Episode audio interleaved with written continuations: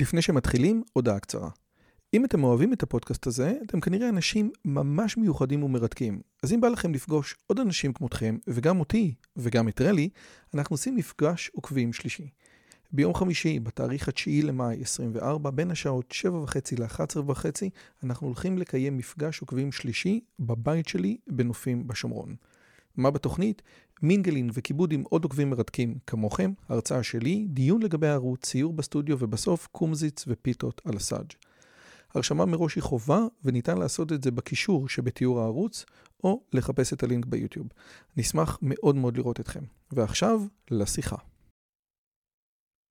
החכמים שלנו אמרו שהשינה זה 1 חלקי 60 מהמוות, לעומת זאת החלום זה 1 חלקי 60 מהנבואה. עד כמה האינטואיציה של חז"ל הייתה נכונה, ומה המדע המודרני יודע לספר לנו גם על שינה וגם על חלומות שהקדמונים לא ידעו. בשביל לענות על השאלות האלה הזמנתי את פרופסור פרץ לביא. פרופסור פרץ לביא הוא אחד מחוקרי השינה הבולטים והחשובים ביותר בעולם. בנוסף לכל הדברים האלה הוא היה גם נשיא הטכניון עשר שנים, ולפני שנתיים הוא מונה ליושב ראש המועצה הלאומית למחקר ופיתוח במשרד החדשנות. אז הוא איש... רנסאנס, כן? הוא כתב ספרים מרתקים, הוא, הוא פרסם המון מאמרים, הוא באמת דמות מרתקת לגמרי.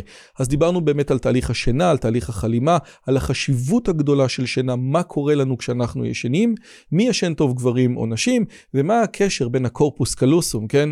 אותו, אותם המון עצבים שמחברים בין המוח הימיני והמוח השמאלי, ובין כל מיני הזיות שאנחנו רואים. בשינה.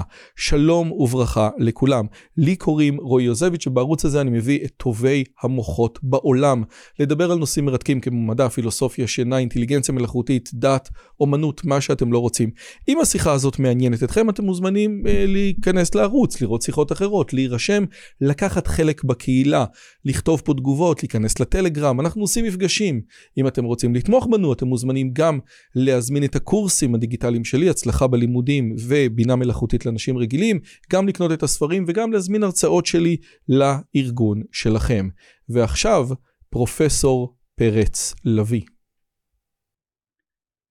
פרופסור פרץ לביא, נשיא הטכניון לשעבר ואחד מחוקרי השינה הגדולים ביותר בעולם. בוקר טוב, מה שלומך? בוקר אור, אה, שלומי האישי טוב.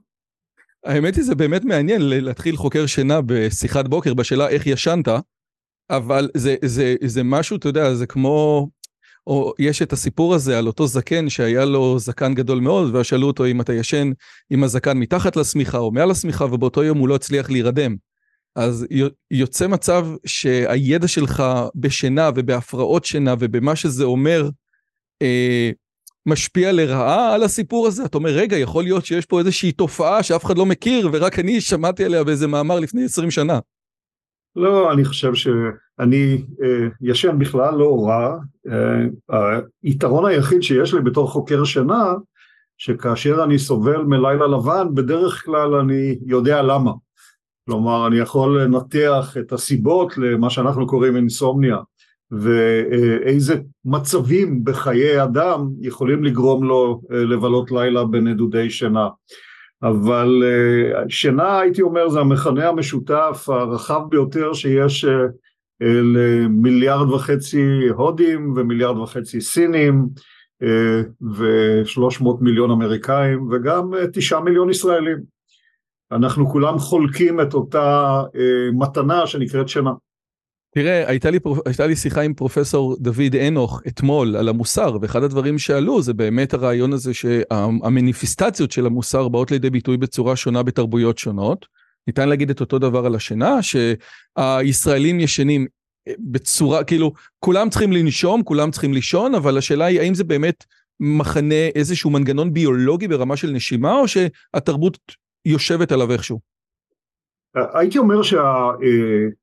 ההבדלים בין אה, אה, עמים שונים, תרבויות שונות, בא לידי ביטוי בעיקר במשך השנה, אבל לא במבנה של השנה.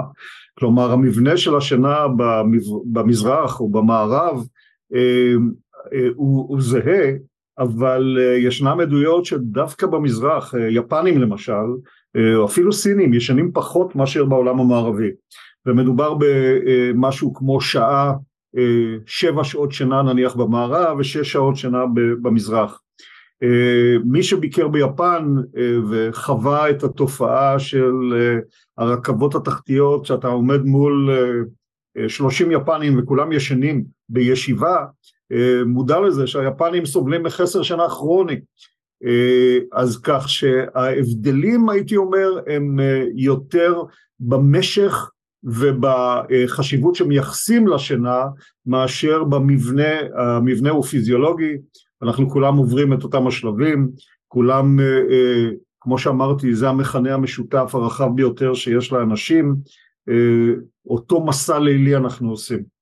אבל, אבל כשאתה אומר היפנים סובלים מחוסר שינה, אז אתה לא אומר בעצם, תקשיב, אלפיים שנה או whatever שנים של התרבות היפנית, הרגילה אותם בסופו של דבר לישון פ... שעה פחות. כן, זה, זה כאילו, כשאתה אומר חוסר שינה, אתה בעצם אומר, עזוב, אם, אם, אם הם ישנים שעה פחות, אז יש להם חוסר, נקודה.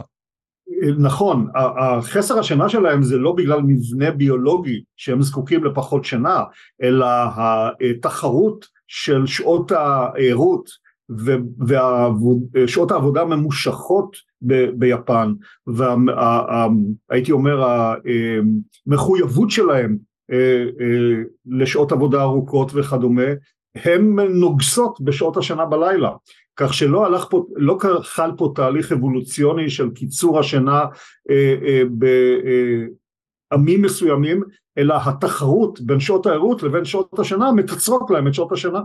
אז אתה אומר כשהרמב"ם מדבר בהלכות דעות, כן, על שמונה שעות שינה, הוא בעצם מבחינת עצמו לפחות מתאר איזושהי אמת אבסולוטית, כן? של... אה, נכון, הרמב"ם אה, הקדים את זמנו באי אלו שנים כאשר הוא קבע ששליש מהיממה אנחנו צריכים אה, לישון והיום השינה, משך השינה האופטימלי הוא סדר גודל של בין שבע לשמונה שעות כאשר פחות מחמש שעות ויותר מתשע שעות אה, יש בהם נזק, והיום אנחנו מודעים לנזק הזה.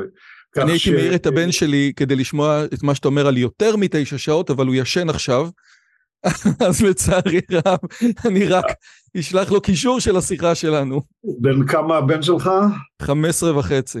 אוקיי, אה, יש להם, אה, יש להם היתר לישון בגיל הזה אה, מעבר לשמונה שעות. יופי, עכשיו פרץ לביא נתן לבן שלי היתר לישון, יופי. אם אתה נותן לו כן. היתר אה, לכעוס עכשיו, אנחנו סוגרים את השיחה הזאת פה. לא, לא צריך אה, להיסחף, אבל יש הבדלים גדולים, אנחנו קוראים להם השינויים האונטוגנטיים בשנה, כלומר השינויים עם הגיל, וכמו ש... תינוק שזה עתה נולד בשבועות הראשונים ישן אה, כמעט 16-17 אה, שעות מהיממה, בגיל ההתבגרות יש להם אה, היתר לישון יותר מאשר שמונה שעות, הם מנצלים את זה, במיוחד בתקופת החופש. כולי תקווה רק שמחר הם יחזרו למסלול, אם כי מי יודע. מהפה שלך לאלוהים, למרות שבמקרה הזה נראה לי שגם לא יהיה קשה. אגב, השיחה מוקלטת ב-31 לאוגוסט, זה הדיבור. Uh, תקשיב, לפני, יש לי כמה שאלות חשובות מאוד על אינסומניה וסליפ אפניה, אבל לפני זה אני לא אסלח לעצמי. באחת ההרצאות שלך בטכניון לפני כמה שנים, נגעת בשאלה של מי ישן יותר טוב, גברים או נשים. אני בהרצאות שלי תמיד מצטט אותך, אנשים לא מאמינים, אז בוא נסגור את זה, שלא יהיה משהו של עיתון לאישה, כן? כן. מי ישן יותר טוב, גברים או נשים? כפי שאנחנו יודעים במעבדות שינה ברחבי העולם, לא רק בישראל. כן. אה, ההבדל בין נשים וגברים הוא בעיקר באמת אה, בתקופות שבהם אה, אנחנו סובלים מנדודי שינה וכאן נשים מדווחות על נדודי שינה הרבה יותר מאשר גברים כלומר בתקופות לחץ, בתקופות של מתח, בתקופות, אה, ולא משנה הרקע של הלחץ או של המתח, אה, נשים מגיבות אה, בשנתן יותר מאשר גברים, זאת תופעה אוניברסלית, זה דווח גם במזרח, גם במערב, ולצערי התופעה הזאת נכונה, כך שאיכות השינה של האדם הבריא בין נשים וגברים אין הבדל, ההבדל בא לידי ביטוי כאשר אדם נתקל במצבים שבהם שנתו נודדת ואז הנשים אה, אה, מגיבות בשינה יותר מאשר הגברים. אז, אז, אז אולי אני אחדד את מה ששאלתי. אני שמעתי פעם שיחה של חוקר שינה מהטכניון, קראו לו לביא משהו, והוא אמר, ואני מצטט, שבכל המדדים שאפשר למדוד, כן, REM, מדדים אובייקטיביים שמודדים חוזק של שינה במעבדות שינה, נשים ישנות כמו גברים ואולי טוב יותר, אבל בבוקר, כשהחוקר שואל אותם איך ישנתם, זה תמיד גרוע יותר. אתה מכיר את החוקר הזה, או אתה רוצה להתייחס? כי אני, אני צריך אני את הסיפור ש... הזה. אני חושב ששמעתי עליו. Uh, החוויה הסובייקטיבית של שינה uh, היא, היא כנראה שונה בין גברים לנשים, ולכן נשים נוטות יותר להתלונן על שנתם. זה uh, קשור באותם הממצאים שדיבר, שסיפרתי לך קודם עליהם, שנשים מתלוננות יותר על נדודי שינה במצבי לחץ. כך שבהרבה מאוד מקרים אה, שנשים מגיעות למעבדה ומתלוננות על נדודי שינה, הבדיקות האובייקטיביות, הפיזיולוגיות, מראות ששנתם תקינה, רק בבוקר הן אה, משום מה מפרשות את השנה כשנה אה, לא, לא טובה או לא איכותית, כך שזה הולך ביחד, שבמצבי לחץ נשים מתלוננות, סובלות יותר מנדודי שינה וגם יש להן נטייה להתלונן יותר אפילו כאשר השינה היא, היא שינה תקינה. כך שהחוויה הסובייקטיבית היא שמבדילה בין נשים וגברים ולא הממצאים האובייקטיביים. והחוויה הסובייקטיבית הזאת היא קרוס תרבות, זאת אומרת זה לאו דווקא כן. במערב, זאת אומרת אנחנו רואים נכון. את זה נכון. בצורה אחרת. עכשיו, נכון. אני חושב שאחד הדברים המשמעותיים במחקר שלך לאורך השנים היה סליפ אפניה, כן? עכשיו יש לנו כן. בעצם שני דברים שהבן אדם הרגיל מכיר, כן? זאת אומרת אה, נדודי שינה וכאילו אנחנו מכיר, יש אינסומניה וסליפ אפניה, אנחנו מכירים בדרך כלל את הנדודי שינה, זה גם נמצא מאוד ב, ב, ב, בספרות ובסרטים, אבל מסתבר שסליפ אפניה זה דבר שהוא לא פחות חשוב, אתה מרפרנס את זה למועדון ה... אה, נו, לדיקנס. כן. הפיקוויקים. למועדון הפיקוויקים. מה זה בדיוק סליפ אפניה? בגלל שכדי להבין מה זה אתה צריך להיות עם מישהו שישן בצורה מאוד מאוד מאוד מוזרה. אתה לא רואה את זה על עצמך, אבל אנשים נחנקים וכמעט מתים בשינה. תראה, אה, התופעה של אה, אה, דום נשימה בשינה או סליפ אפניה בעצם תוארה בספרות לפני הרבה מאוד שנים על ידי חוקרים חדי עין. היא לא זכתה לתשומת לב ואני עצמי ראיתי את החולה הראשון של סליפ אפניה שהייתי בתר דוקטורט באוניברסיטת סן דייגו אה, אה, בקליפורניה ויום אחד מתקשר אלינו אה, ראש המחלקה, הייתי במעבדת השינה במחלקה לפסיכיאטריה ויום אחד מתקשר אלינו ראש המחלקה הפנימית ואומר תשמעו יש לי פה אדם שאם אתם לא אומרים לי מה לעשות איתו אנחנו מוצאים אותו מהבית חולים כששאלנו מדוע, הוא אמר הנחירות שלו פשוט אה, אה, מונעות שינה לא רק מהמחלקה שלי, אלא מכל המחלקות הסמוכות. הבאנו אותו למעבדה וחיברנו אותו אה, כלאחר כבוד עם כל האלקטרודות, וברגע שהוא נרדם הוא הפסיק לנשום ל-40 שניות, לאחר מכן חידש את הנשימה ל-20 שניות, ושוב הפסיק לנשום ל-40 שניות, וכך במהלך כל השנה. הנחירות האימתניות היו כאשר הוא פרץ את החסימה, כאשר הוא חידש את הנשימה, ואלה היו הנחירות שהתלונן עליהן ראש המחלקה. אני זוכר שזו הייתה תגלית, אף פעם לא ראינו דבר כזה, ואז הבאנו את מנהל המחלקה וכל הרופאים שלו שעמדו סביב המיטה לראות את הפלא הזה, ואחד הרופאים הצעירים שעמד על ידי אומר לי צריך להעיר אותו, הוא ימות. אמרתי לו תראה ככה הוא ישן בטח כבר איזה שלושים שנה, כך שאם הוא עד היום אה, שרד הוא, הוא ימשיך אה, אה, לשרוד. באותה תקופה, 1974, אה, כמעט התופעה לא הייתה ידועה. פה ושם מישהו ראה פציינט, אבל חשבו שזו תופעה מאוד מאוד נדירה, מאוד נדירה. אנשים נרדמים, מפסיקים לנשום, הפסקות הנשימה יכולות להיות בין עשר שניות לחמישים שניות, יש לפעמים אפילו מגיע עד דקה שלמה, מחדשים את הנשימה לשלוש, ארבע, חמש נשימות עם קולות תרועה עזים ושוב מפסיקים לנשום והדבר חוזר על עצמו במשך כל הלילה. זאת התופעה שקוראים לה סליפ אה, אפניה או דום נשימה בשינה. רק עכשיו, שנייה רגע, ושדיקנס מדבר על זה, כן, על, על אותו בן, זאת אומרת, אנחנו כנראה לא- הכרנו לא, את זה לאורך הש... אה, אה, בוא, אז, בוא, אז... כן, אז בוא תסביר על, בוא אני אסביר את על מה דיקנס. מדבר.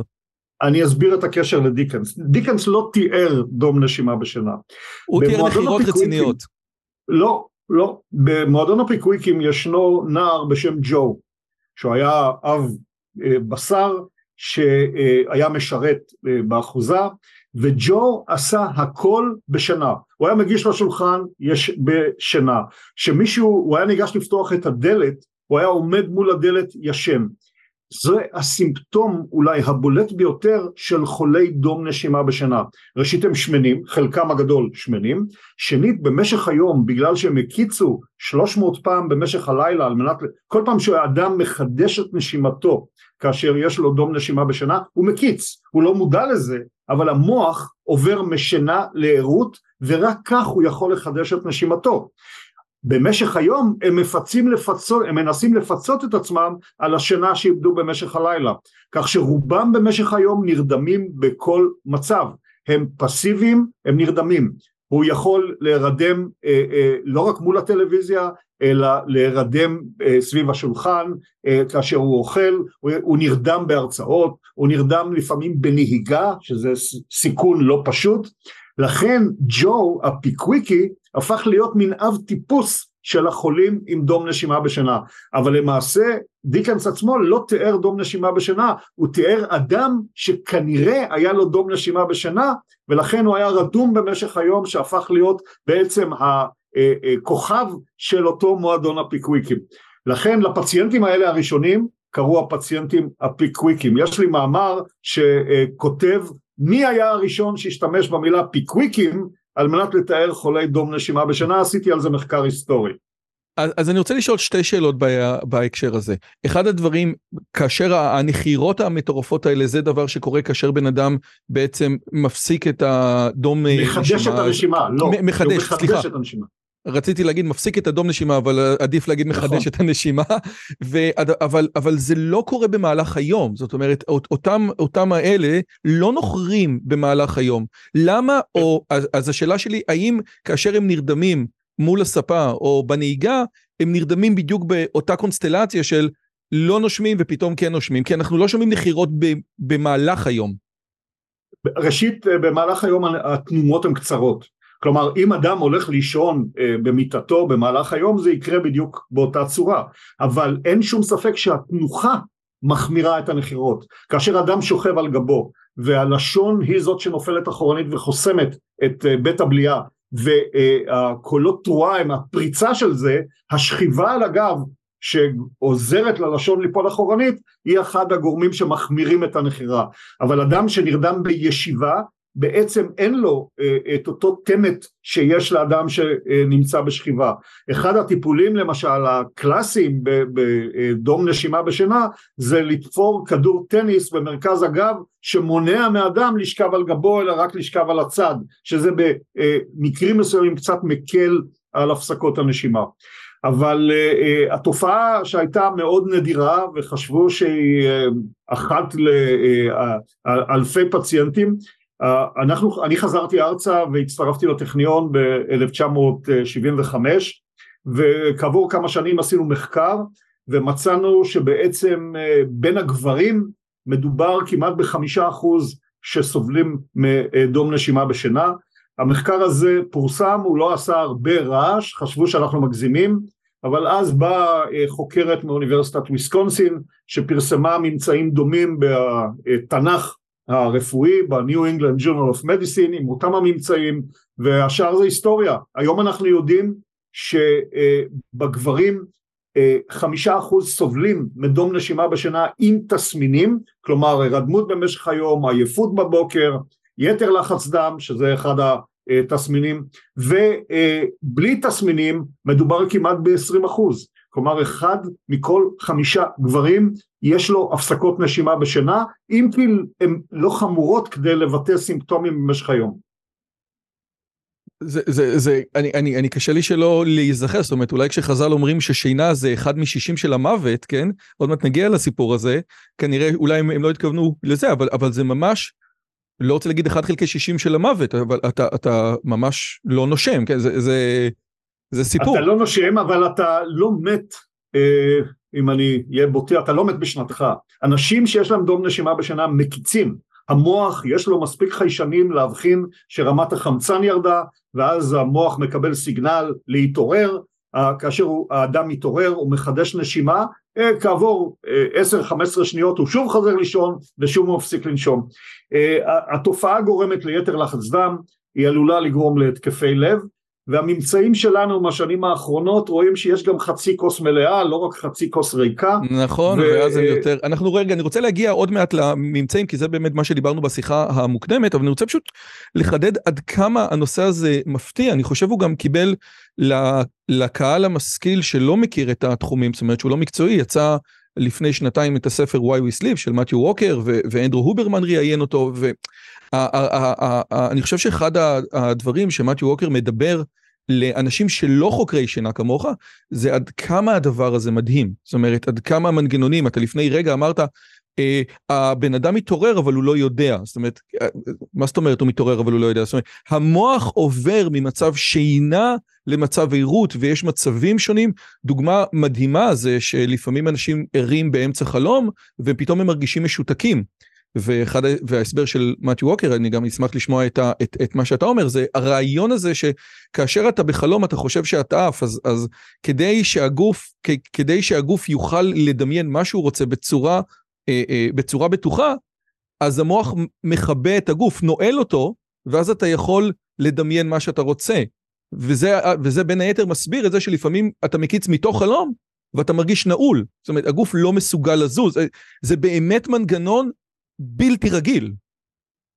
אה, יש לה, לשנה שאנחנו מגדירים אותה כשנת חלום, ה-REM Sleep, ה-Rapid Eye Movement Sleep, יש להם כמה מאפיינים, תנועות העיניים, אה, פעילות חשמלית של המוח שדומה מאוד לשלב המעבר בין ערות לבין שינה, ושיתוק של כל שרירי השלד. זה קורה בכל חלום, בכל שנת REM, ללא כל קשר בתוכן החלום. זה יכול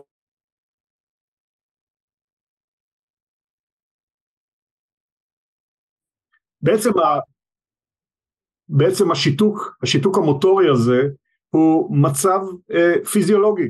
ישנה אינהיביציה, ישנה הקבה של כל שרירי השלד וישנה אה, תופעה שנקראת שיתוק שנתי, שבה אדם קיץ משנתו ומרגיש משותק. אה, תופעה נדירה אבל די מבהילה, מפני שהאדם אה, נמצא בחרדה נוראית, די אגב לגעת באותו אדם, לתת לו איזשהו גירוי תחושתי על מנת להוציא אותו מהמצב הזה. כך שבשינה ישנם כמה וכמה תופעות שקשה לנו להסביר אותן, ייתכן מאוד שהתופעה הזאת של שיתוק שנתי יש לה תפקיד במניעת הוצאה לפועל של סיפור החלום. מצד שני ייתכן מאוד שהשיתוק השנתי הזה יש לו תפקידים אחרים אנחנו עדיין לא מבינים אבל כך תופעה אחרת והיא התופעה של ההליכה משנה או הסומנבוליזם אה, אופייני בעיקר בגיל אה, הילדות שבשינה דווקא עמוקה שינה מאוד עמוקה אה, הילד מקיץ משנתו ויוצא לטייל לפעמים אפילו מחוץ לבית כאשר הוא לא מודע אה, אה, לשיטוטים הליליים, הוא איננו ער במלוא מובנה של המילה, אם כי המערכת המוטורית יודעת למצוא את דרכה, הוא יודע להגיע לדלת ולפתוח אותה. כך שיש בשינה אה, תופעות מהסוג הזה של ניתוק בין המודעות שלנו, שאנחנו כרגע ערים ורואים וחווים את הסביבה, לבין מנגנונים אוטומטיים שפועלים בלי כל שיתוף של התודעה. תגיד, מכיוון שאני יודע שאתה מאוד אוהב את ההיסטוריה של המדע, אז אני חושב שבהקשר הזה באמת מעניין לשאול מה הקדמונים ידעו, כן? היפנוס בהקשר הזה, אני מתעסק בהיפנוזה, בהיפנוזה בידורית, היה אל השינה, לכן הקונספט הזה של היפנוזה בתרבות שלנו זה אתה נהיה עייף יותר, כן? אה, לפני כמה שנים יצא הספר פשר החלומות של פרויד בתרגום עברי, שמעתי אותך באחת ההרצאות אומר שלפרויד היו תובנות מאוד מאוד משמעותיות, לאו דווקא על החלום, אלא בכלל על תהליך השינה.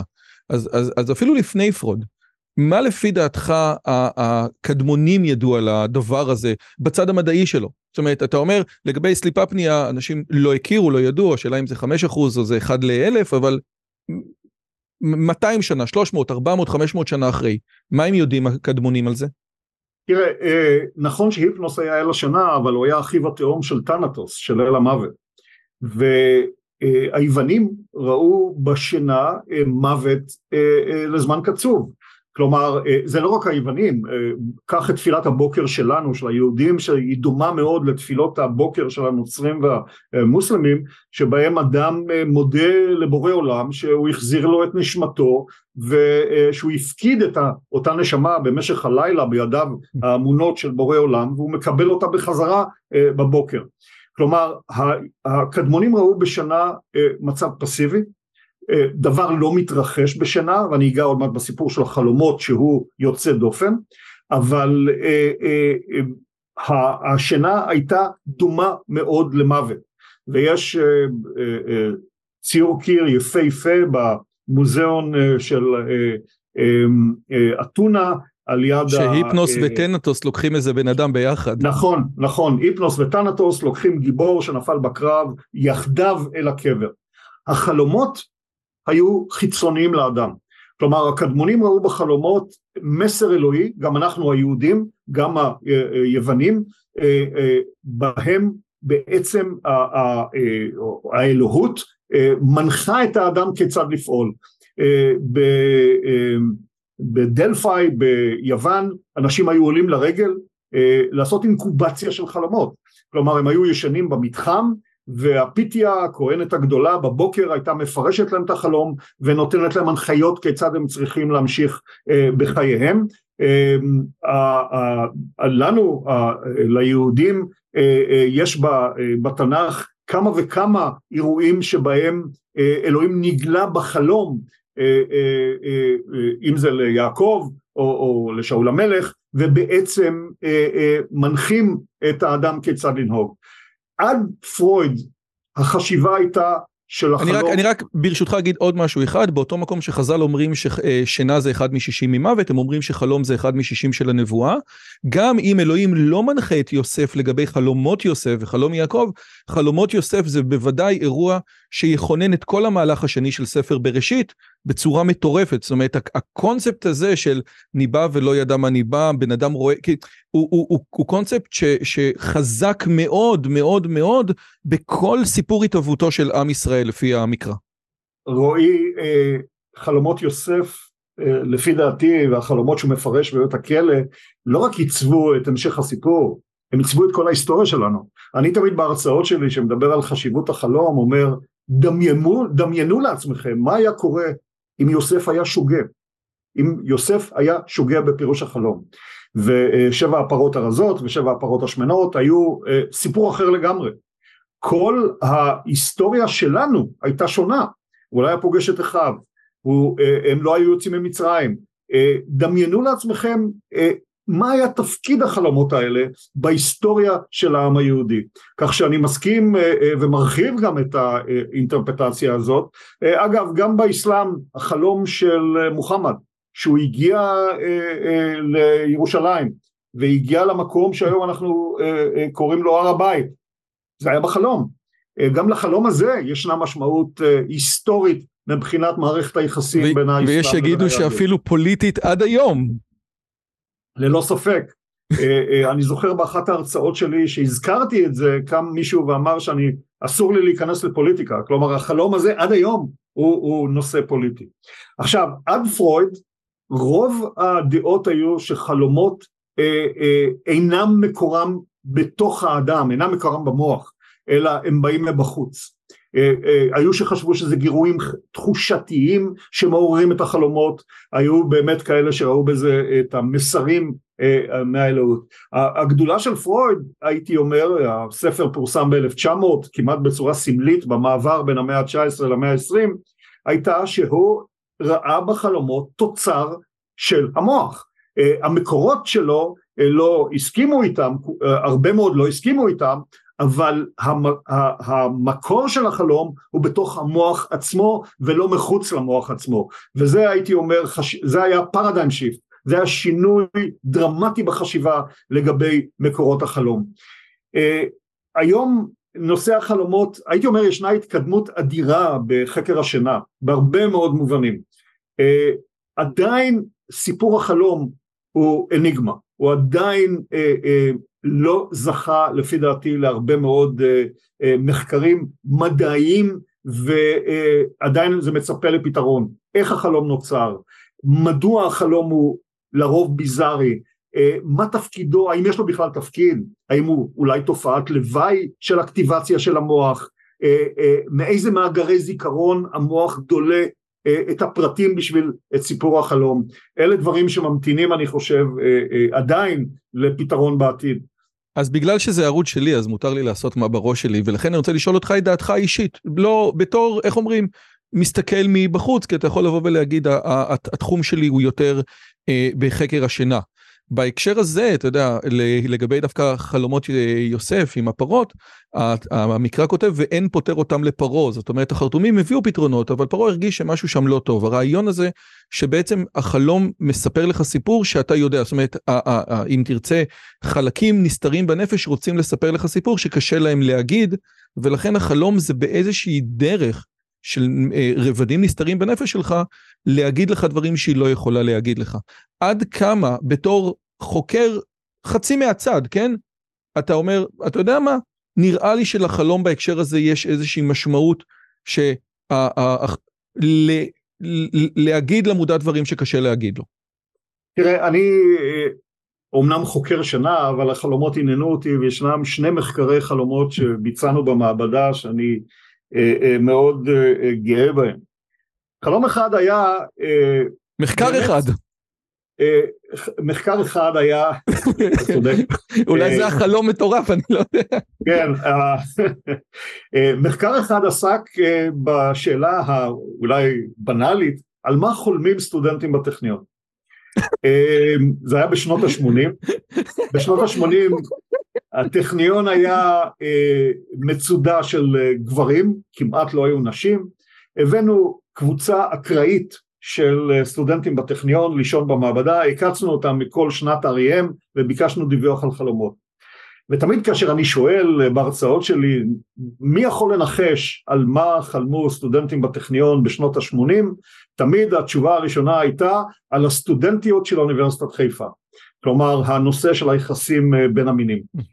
מפתיע, הנושא העיקרי שהעסיק את החלומות של סטודנטים בטכניון בתחילת שנות ה-80, מתי אני יוצא לשירות מילואים בלבנון, מי יישב בהרצאות ויכתוב אותם בשבילי, האם אני אצליח לה, להשלים את החומר. זו הייתה תקופה שבה היינו ברצועת הביטחון בלבנון, כאשר אנשים אה, אה, עשו מילואים ברצועת הביטחון, זה היה הדבר שהעסיק אותם גם בערות וגם בשינה. כלומר אנחנו אה, הסקנו מכך שהתכנים של החלום בעצם משקפים את הנושאים שמעסיקים אותנו במצב הערות.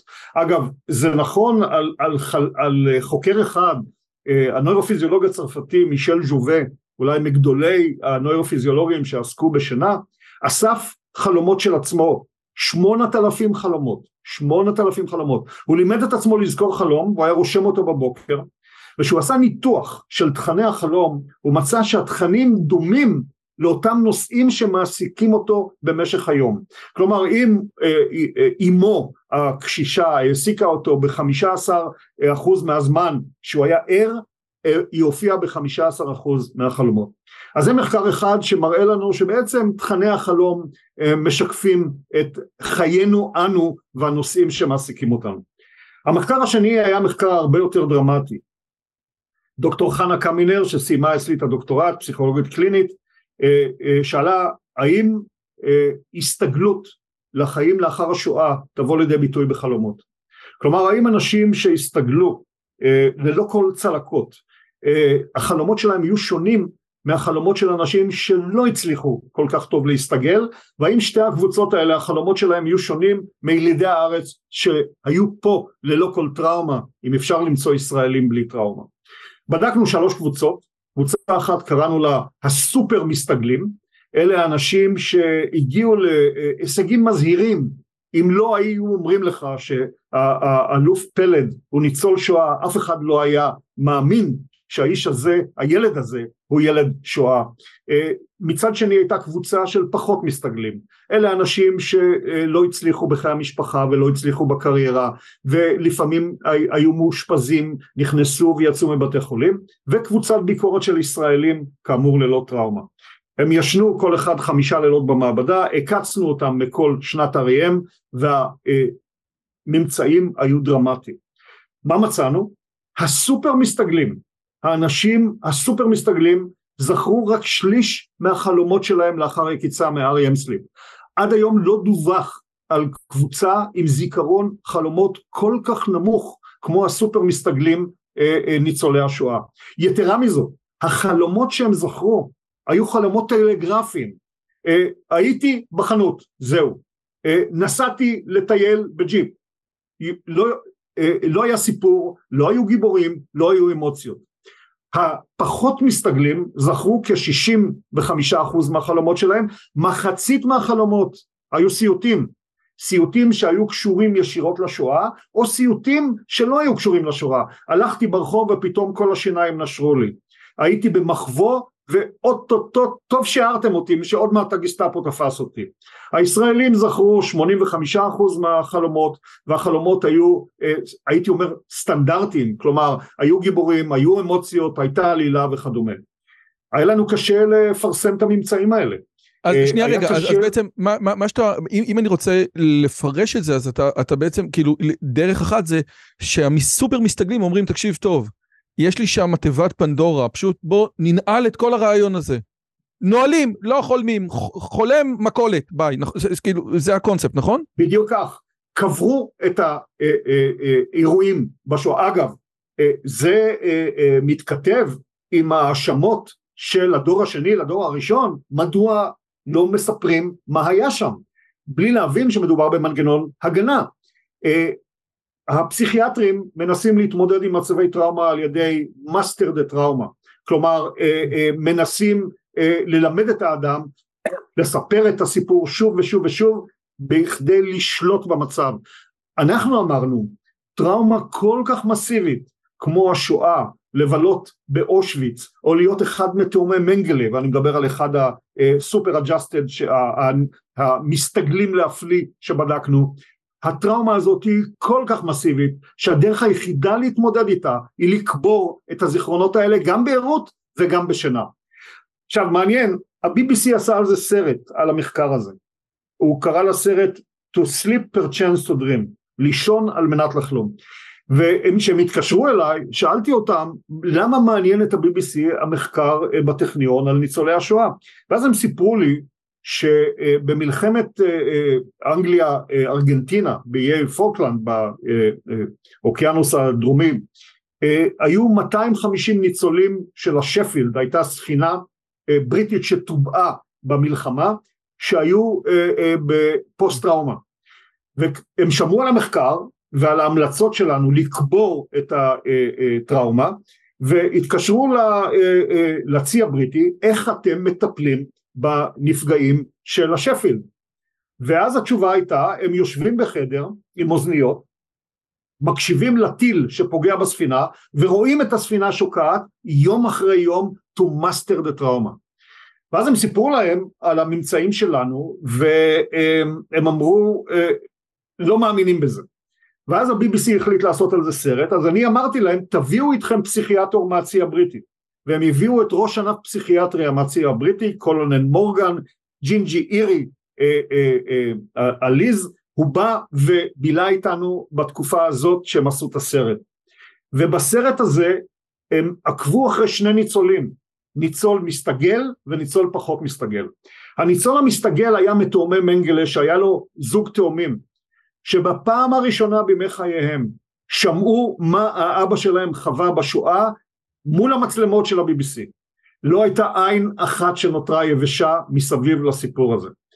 לכן אני אומר, לא תמיד לזכור חלומות, אה, יש בזה איזשהו יתרון. לפעמים יש אה, אה, אה, צורך לקבור את החלומות. אה, דוקטור ירון דגן עשה אצלי דוקטורט על פוסט טראומטיים ממלחמת אה, אה, לבנון ויום כיפור. ומה שבדקנו, אה, האם השינה שלהם כל כך מופרעת כמו שבאמת מקובל בספרות. אז הם הלכו לישון עם אוזניות והשמענו להם קליקים, גירויים במשך הלילה ורצינו לבדוק את התגובה המוחית לקליקים. וגם פה הממצאים היו פרדוקסליים. הפוסט טראומטיים ישנו יותר עמוק מאשר קבוצת הביקורת. כלומר, הם העמיקו את השינה שלהם, והפירוש שלנו, העמיקו את השינה על מנת למנוע את הציפה של הזיכרונות הטראומטיים שיכולים אה, להפריע גם בשינה וגם בערות. כך שהסיפור של החלומות הוא הרבה הרבה יותר מורכב ממה שנדמה לנו, אה, אנחנו משתמשים בחומרים שאנחנו אוספים במשך היום, הנושא הזה משתבש כאשר ישנה אה, טראומה קשה ומצליחים להתמודד איתה לפעמים כאשר אנחנו מדחיקים את החלומות האלה ומדחיקים את הזיכרונות גם בערות. אבל, אבל, אבל יש יש לי כמה וכמה שאלות, אבל אני, אם אני מבין נכון, גם מי שמדחיק עדיין, אתה חייב שנת חלום. לא משנה נכון, מה. נכון, שנת אבל... החלום הייתה תקינה לחלוטין. כן. לא היה שום הבדל בשנת החלום בין המסתגלים, הסופר מסתגלים בקבוצת הביקורת. אותו אחוז של שנת חלום, אותם המאפיינים של שנת חלום.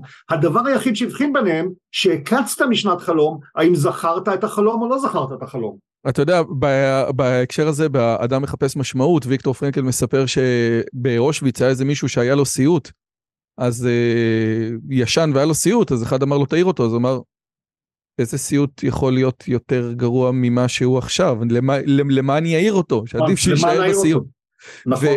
והנקודה השנייה שהיא אנקדוטלית, שיכול, כי אני, אני מניח שמה שאתה אומר זה נכון, מהצד השני, אני בצורה אנקדוטלית מעולם לא ראיתי ניצול שואה שקיבל דימנציה בערוב ימיו, והדברים לא חזרו. זאת אומרת, כנראה שכל מה שאתה מספר מדבר על איזה שהם מנגנוני הגנה רציניים מאוד, שמהרגע שהמודם מפסיק לשחק בהם חלק, הכל חוזר. זאת אומרת, כל פעם מחדש ניצולי שואה מאוד אופטימיים, חולי דימנציה, תמיד מספרים שזה, הילדים שלהם תמיד מספרים שהכל חוזר. אה, זאת תצפית אה, חשובה, משום שהיום ברור שדמנציה קשורה בשנה.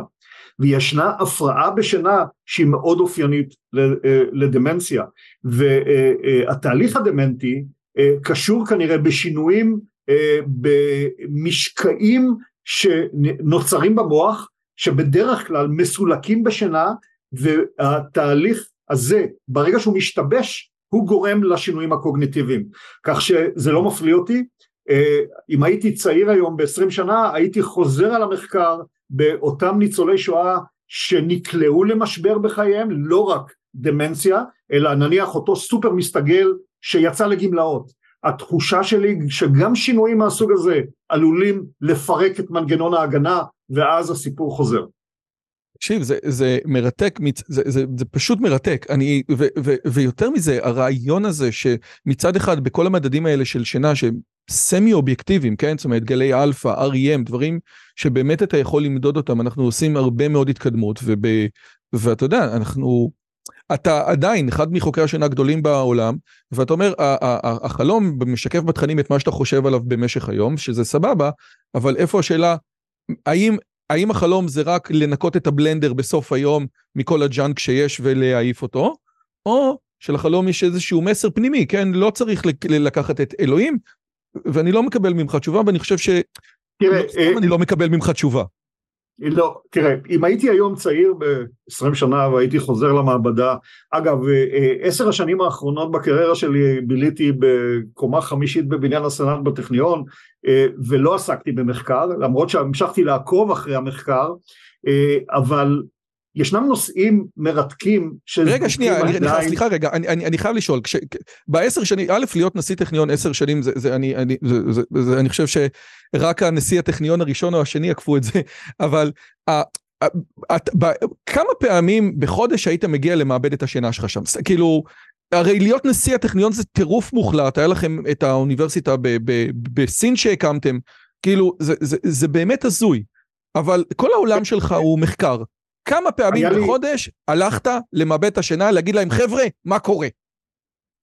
היה לי יתרון אה, אה, מאוד מאוד ייחודי במשך כמעט 15 שנה עבדתי עם רעייתי שהיא ביולוגית של התא במחקרים משותפים, כך שמי שהריץ את המעבדה הייתה לינה רעייתי, ולא הייתי צריך ללכת למעבדה, בבית היינו יכולים להיפגש ולדון בממצאים של היום ש, שעבר או בלילה שעבר, כך שזה יתרון שלא יסולא בפז, ותודות לה בעצם המעבדה שלנו המשיכה uh, לייצר. אבל מה שרציתי להגיד, ואני רוצה uh, לסיים את הסיפור בחלומות בשני uh, uh, uh, דברים. ראשית, יש לנו uh, uh, פצי... לא פציינט, אלא יש לנו נבדק היסטורי שקוראים לו יובל חמצני, שאין לו שנת חלום. אין לו שנת חלום. יש לו פגיעה uh, במוח באזור שאנחנו יודעים היום שהוא שולט, הוא הבקר של שנת החלום, באזור הגישרון במוח, אה, בדקנו אותו לפני הרבה מאוד שנים, אה, מצאנו את הרסיס שנעוץ במוחו, ראינו שאין לו שנת חלום, אה, על פי כל התיאוריות הוא צריך לסבול מדמנציה, הוא צריך לסבול מאלצהיימר, הוא צריך אולי להפוך להיות סכיזופרני, חזרנו על, המח... על הבדיקה שלו לפני שנה וחצי, זו הייתה עבודה שעשינו בשיתוף עם דוקטור יובל ניר, מ... כבר נדמה לי פרופסור, פרופסור יובל ניר מאוניברסיטת תל אביב, בדקנו אותו שוב, מצאנו את אותם הממצאים, עדיין אין לו שנת חלום. כך שאפשר להתקיים גם בלי שנת חלום, ככה אה, זה נראה. אגב, יובל אה, אה, היה עורך דין, הוא צייר מאוד מוכשר, וה-claim to fame שלו, הוא היה אלוף הארץ בתשבצי היגיון, הוא היה בונה את תשבצי ההיגיון עבור העיתונים, ועדיין אין לו REM סליפ, יש לו רסיס שנעוץ במוח בבקרה של שנת אריאל. אה, זה אחד. דבר שני, ישנה תופעה נוספת בשנת חלום שאנשים, אני לא יודע אם מתיו מדבר עליה בספר שלו, אני חושב שרוב חוקרי השינה מתעלמים מזה, ולא בצדק. המוח שלנו יש לו שתי המיספרות. יש גשר שנקרא corpus callosum שמחבר, גשר עצבי, 200 מיליון סיבי עצב שמחברים את שתי ההמיספרות. וככל אה, שהיצור מתקדם יותר, ה corpus callosum קטן יותר. המוח יותר אה. מחולק ככל שהיצור יותר מתקדם. איאן מקגילכריסט כתב על זה ספר מדהים שבעזרת השם יגיע לערוץ בקרוב. The Master and his emissary. רוג'ר ספרי קיבל פרס נובל על עבודה על פציינטים חצויי מוח. שניתקו להם את הקורפוס קלוסום בגלל מוקד אפילפטי באחת המספרות שרצו למנוע את ההתפשטות של האפילפסיה, ההתקף האפילפטי לצד השני. בשנת REM הקורפוס קולוסום לא מתפקד. בעצם בשנת אריהם המספירה השמאלית והמספירה הימנית עצמאיות, הן לא מדברות אחת עם השנייה. וואו. וזה אה, נמצא בבעלי חיים ויש הוכחות שזה קיים גם באנשים. עכשיו, אחד ההסברים האפשריים, שאף אחד לא חקר אותם, שאנחנו מקיצים בשינה ויש לנו סיפור ביזארי שאנחנו לא מבינים את ההיגיון שלו ולא מבינים את החוקים שלו, זה העובדה שהמוח הימני והמוח השמאלי שלא מדברים אחד עם השני צריכים לשים פרטים ביחד שיוצרים סיפור לא הגיוני. כלומר זה לא בגלל שלחלום וואו מגניב! לא, זה בדיוק, זה, זה, זה, זה כל המחקרים האלה שמראים לצד הימני של המוח משהו ואז שואלים את הצד השמאלי שהוא הוורבלי הוא ממציא סיפור, ואז הוא מספר איזה סיפור מטורף כזה, נכון, וואו נכון. זה מגניב. בדיוק כך, אף אחד לא חקר את זה, זאתי תופעה מדהימה, כלומר כאשר אתה מראה למוח הימני משהו, הוא לא מסוגל לבטא את השם, ואחר כך אתה אה, אה, מבקש ממנו לתאר, המוח השמאלי ממציא סיפור על מנת להסביר את חוסר המודעות שלו למה שקורה בצד ימין. פירקת לי את הראש. האם ייתכן שחלום זאת תוצר של שני מוחות שלא מתקשרים אחד עם השני? אז אם הייתי היום כאמור אה, צעיר ב-20 שנה וחוזר למעבדה, זה אחד הנושאים שהייתי מתעסק איתם. תקשיב, וואו, פירקת לי את הראש. אני, אני, אני מסתכל על השעון, ו, ואני רואה שאני לא מספיק לשאול אותך על, הטכ, על, ה, על הטכניון, למרות שאני אספר לך שמי שמנ, שמקים אותו, אחד המקימים זה משפחת ויסוצקי. הילד שלי אמר שהיה אפשר לסגור את הסיפור בלקרוא לזה טכניון. אולי משפחת ויסוצקי הייתה אה, שמחה מזה כשהוא שמע את ההרצאה שלך. תן לו מחמאה בשמי על הרעיון. נכון, רעיון יפה. אני חייב לשאול אותך, אז אני, אני עדיף לי לסגור את הנושא של השינה, אה, תמיר ליאון, שהוא אנתרופולוג ככה לבתי ספר, והוא מדבר, הוא, הוא הרבה פעמים מצטט את פרופסור פרץ לביא, שמגיעים אליו כל מיני אנשים ובתי ספר ואומרים, איך אנחנו יכולים לעשות יותר בשביל התלמידים? והוא אומר, קחו את כל מה שאתם משקיעים בתוכניות העשרה, ותשימו אותם בזה שהתלמידים ישנו עוד שעה אחת. זה, עכשיו, עושה רושם ששעת אפס לא זזה, והדור שלנו, כן, לא רוצה להגיד, כי גם הרמב"ם וגם אריסטו אמר שהדור הוא דרק, הדור של היום, אבל עושה רושם שבגלל שיש לנו היום פחות סמכות הורית, ובגלל הרבה מאוד דברים, ובגלל שאנשים נמצאים עם המסכים במיטה, הזמן שינה הולך ומתקצר ומתקצר ומתקצר ומתקצר. אני לא נכנס לחלומות, באמת, ל, ל, ל, כמו שדיברת בהתחלה על היפנים, ואנחנו נמצאים בבעיה אמיתית, זאת אומרת, אנחנו, יש לכל נוער sleep deprivation מהותי אינטרינזי. ו- אני ו- מסכים, אני מסכים. מה עושים? Uh, מחלת המסכים היא, היא המחלה שלפי דעתי תהיה uh, אקוטית במחצית השנייה של המאה ה-21. Uh, אני, אני רואה את זה אצל הנכדים שלי, שצמודים למסך ביום, והמסך נמצא על יד המיטה, דבר ראשון שהם מקיצים בבוקר זה הולכים לבדוק מה קרה שם. Uh, ישנה חשיבות, היום אנחנו יודעים שישנה חשיבות גם למשך השינה. Uh, דיברנו על דמנציה, היום הממצאים מראים בצורה הייתי אומר המדעית המבוקרת ביותר שיש שהמוח יש לו שני תפקידים מרכזיים שהם חיוניים בעיקר בגיל uh, uh, uh, שבו ה, uh, uh, הייתי אומר אנחנו נמצאים בהתפתחות המואצת נניח בגיל ההתבגרות וכדומה. ראשית ניקיון ניקיון כללי. התהליך המטאבוליזם במוח יוצר פסולת. ישנם שני חלבונים שזכו להרבה מאוד תשומת לב, אחד זה המלואיד בטא והשני זה חלבון שנקרא טאו, שמוצאים אותם במוחות של חולי אלצהיימר. היום אנחנו יודעים שבשינה, במיוחד בשינה עמוקה שמאופיינת בגלי דלתא, ישנו ניקוי של המוח בעיקר משני החלבונים האלה. וכאשר מונעים שינה, החלבונים האלה מצטברים. אז אדם שישן ארבע או חמש שעות בלילה, ועושה את זה לאורך הרבה מאוד זמן, מצטברים אצלו במוח משקעים שהם אלה שלאחר מכן, אנחנו קוראים לזה התקופה הפרה-קלינית, זה יכול לקחת כ-10-15 שנה עד שמופיעים הסימנים הקליניים, עיבוד זיכרון, הלוצינציות, כל מה שמאפיין את חולי האלצהיימר או חולי השיטיון, הדמנציה.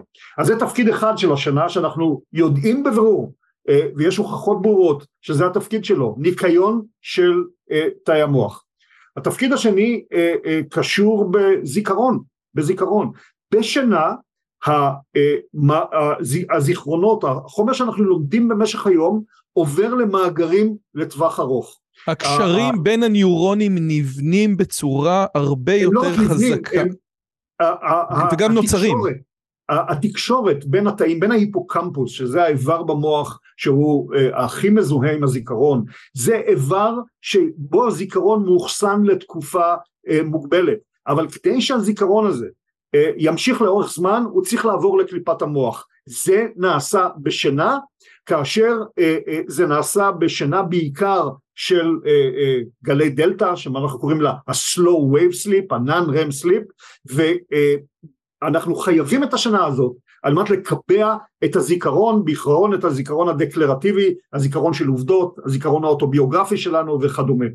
לכן ישנה חשיבות לשנה, והייתי מעדיף את אותה שעה שמעדיפים לשנה, שיקחו חצי שעה ויסבירו לתלמידים למה הם צריכים לישון, ואז אולי החצי שעה השנייה הם ישקיעו בשנה גם בלי שנבקש מהם. פעם שאלו, פעם מישהו שאל את אחד הרבנים, יש לי עשר דקות, יש לי חצי שעה ללמוד תורה ביום, מה ללמוד, מוסר או הלכה? אז הוא אמר לו, תלמד מוסר ותבין שחצי שעה ביום זה לא מספיק ללמוד. ואתה יכול לגעת עוד לגבי העניין הזה שאתה לא יכול להיות עם הפלאפון, עם כל הקרינה הזאת, והאור שבעצם אומר לגוף, תקשיב, אתה לא נמצא בש, ב, בשלב של שינה, ולכבות את הטלפון ולחשוב שמהרגע הזה הגוף כבר ייכנס למצב שינה. כן, האור הכחול אה, הוא הבעייתי. אה, היום ישנם אגב טלפונים שמסננים בגלל הקשר בין האור הכחול לבין ההפעלה של השעון הביולוגי, מסננים את האור הכחול, אבל זאת הייתי אומר האובססיה ההתנהגותית יותר מאשר הקרינה עצמה. כלומר זה הצורך הנפשי הזה להיות בקשר עם אותו מכשיר, איך אתה עושה את הגמילה מהמכשיר הזה, אה, זה נושא שאני חושב צריך להשקיע בו אה, גם חשיבה וגם מאמץ, אני חושב שהגמילה היא קשה כמו גמילה מעישון סיגריות, אנחנו צמודים למכשירים האלה, נערים חייבים להבין, צריך עוצר מזמן מסוים שבהם אין יותר התעסקות עם המכשיר הזה והזמן הזה לא רק מוקדש לשינה אלא מוקדש גם לפעילויות אחרות. אני מקווה שזה יבוא, אני מקווה שזה יבוא. אתה בעצם אומר, אנחנו עוד לא ראינו את ההשפעות של דור ה-Z, כן? ילידי 95 ומעלה בגיל 50 ו-60, שאלוהים יעזור. נכון, נכון. ויש לי עוד שתי דקות, אז אני אשאל, אני ככה אנצל את זה. יש אנשים שנרדמים טוב, יש אנשים שנרדמים על הפנים, אשתי שאני לפעמים מתעצבן, אומרת לי, תלך לישון עשר דקות, ואני אומר לה, מנוולת, את יכולה ללכת לישון עשר דקות, לי זה לוקח זמן. אני יודע שהצבא, הרבה פעמים, אה, אה, צבא ארצות הברית, לחיילים וחיילי קומנדו עשה כל מיני טכניקות של איך לישון, או איך להיכנס ל... אה, כן. למצב שינה מהר יותר, יש אנשים שהם slow sleepers וראפיד, בתור חוקר שינה שגם יש לו אינטרס שהפציינטים שלו במעבדה ירדמו כמה שיותר מהר. יש לנו טיפ לתת למי כן, שהוא אה, בדרך כלל נרדם יותר לאט? אה, הטיפ הוא לשבת מול הטלוויזיה, הייתי אומר שזה המרדים הלאומי. אה, עוד לא נתקלתי באדם שאמר לי אני יושב מול הטלוויזיה ואחרי עשר דקות העיניים נעצמות לי אה, אפילו מבלי שאני רוצה אבל יש היום הרבה מאוד מחקר יש הרבה, הרבה חברות הזנק שמנסות לפתח שיטות על מנת לזרז את תהליך ההירדמות כמו למשל לתת גירוי מוחי בתדרים שדומים לתדרי המוח שמעבירים את המוח ממצב ערות למצב של שינה יש גם שיטות התנהגותיות, גם היפנוזה יכולה לעשות את זה, כך שבין אה, אה, מעריכי השינה, מקצרי השינה, יש גם כאלה שמזרזים אה, את תהליך ההירדמות ומעכבים את תהליך ההירדמות, ולכל אחד כנראה צריך איזושהי, איזשהו טיפ משלו על מנת לעזור לו בתהליך ההירדמות. טוב, אני אה, הבטחתי עד עשר, אז אני אשאל אותך רק את השאלה שאני שואל תמיד. לצערי הרב, לא נגענו גם בספר הסופר מרתק שלך, מחשבות אודות המוח, ספר שפירק לי את הראש, אה, ו, וגם לגבי איך זה להיות נשיא של אולי המוסד היוקרתי ביותר ב, בישראל, שזה באמת מדהים, אה, כולל הביקורות שיש על הטכניון, כולל אה, אה, אולי... כל מיני דברים אחרים. אגב, ביקורות מאנשים שמאוד אוהבים אותם, כמו סטף ורטהיימר, שקשה לראות שהוא לא אוהב את הטכניון, אבל יש לו ביקורות מאוד מעניינות. אני כן אבקש ממך לתת לי ולצופים ספר אחד שקראת בשנים האחרונות, שאתה אומר, בואנה, ממש ממש ממש שינה דרך, או, או, או משנה הסתכלות, או שווה לאדם המשכיל לקרוא אותו. אמ, תראה, אני אה, אה, קורא אה, אובססיבי, ואחד הדברים שאני עושה כרגע כאשר יש לי זמן הוא אה, לקרוא ולקרוא הרבה.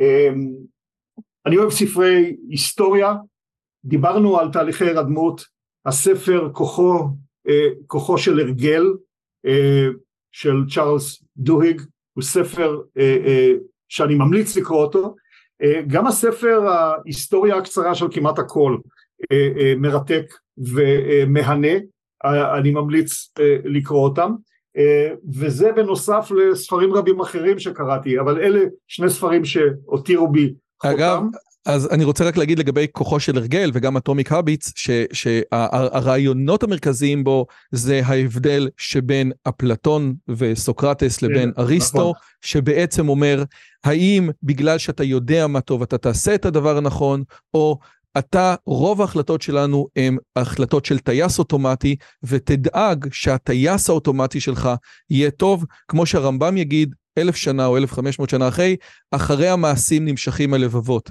אל תעשה, אל תחשוב ואז תעשה, תעשה והדברים האלה יגיעו.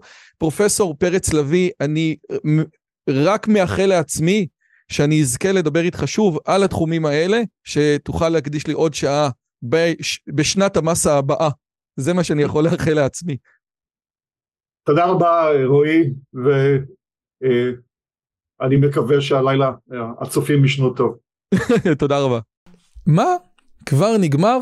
אל תדאגו, יש עוד המון שיחות, ואם עוד לא נרשמתם, תירשמו לערוץ, תלחצו על הפעמון ותהיו חלק מהקהילה המופלאה שלנו. נתראה בשיחה הבאה.